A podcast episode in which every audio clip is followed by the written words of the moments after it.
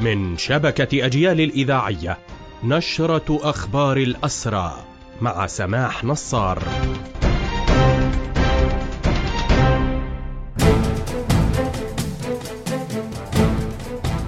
أهلا ومرحبا بكم. إلى هذا اللقاء نشرت هيئة شؤون الاسرى والمحررين تفاصيل مؤلمة تعرض لها الأسير الجريح خليل عرايشه وقد أشارت إلى أن ما تعرض له خلال اعتقاله من مدينة نابلس يعد واحدا من الانتهاكات التي يتعرض لها الأسرى في سجون الاحتلال خاصة في لحظات اعتقالهم والتحقيق معهم. نقلت محامية هيئة الأسرى شيرين عراقي عن الأسير في سجن مجده أنه تم التحقيق معه لواحد وثلاثين يوما رغم الإصابة في أول أسبوعين كان التحقيق مكثفا جدا وتعدى الثماني عشرة ساعة وكانت من أصعب أيام الأسر.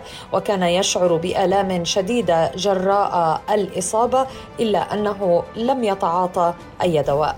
من المقرر أن تعقد جلسة محكمة للأسير عرايشة في العاشر من الشهر المقبل. في أخبار هذه النشرة أيضا من المقرر أن يطلق اليوم كتاب الأسير البطل ثائر حماد وهو بعنوان أنا وحصاني.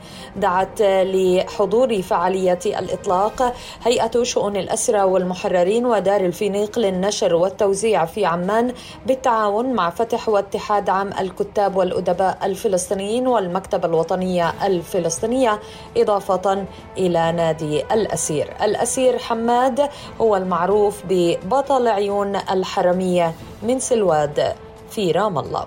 ونواصل في أخبار هذه النشرة حول إضراب المعتقلين الإداريين الفسفوس وخلوف.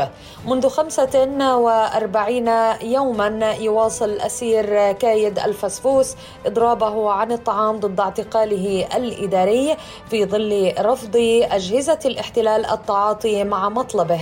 وقد أشير أيضا إلى أن المعتقل المهندس سلطان خلوف يواصل أيضا إضرابه منذ ذات الفترة وهو أسير سابق أمضى أربع سنوات ونصف في سجون الاحتلال وكان خاض إضرابا سابقا عن الطعام عام 2019 واستمر لسبعة وستين يوما. منذ مطلع العام الجاري تصاعدت الإضرابات الفردية في وقت صعد فيه الاحتلال جريمة الاعتقال الإداري. دخل الأسير نهار السعدي عامه الحادي والعشرين في سجون الاحتلال. هو يبلغ من العمر اليوم 42 عاما.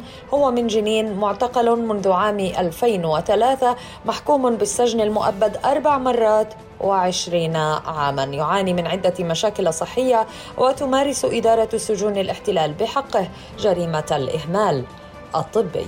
بهذا مستمعينا تنتهي هذه النشرة الخاصة بأخبار الحركة الأسيرة قدمناها لحضراتكم من راديو أجيال. تحية الحرية لأسرى الحرية وتحياتي سماح نصار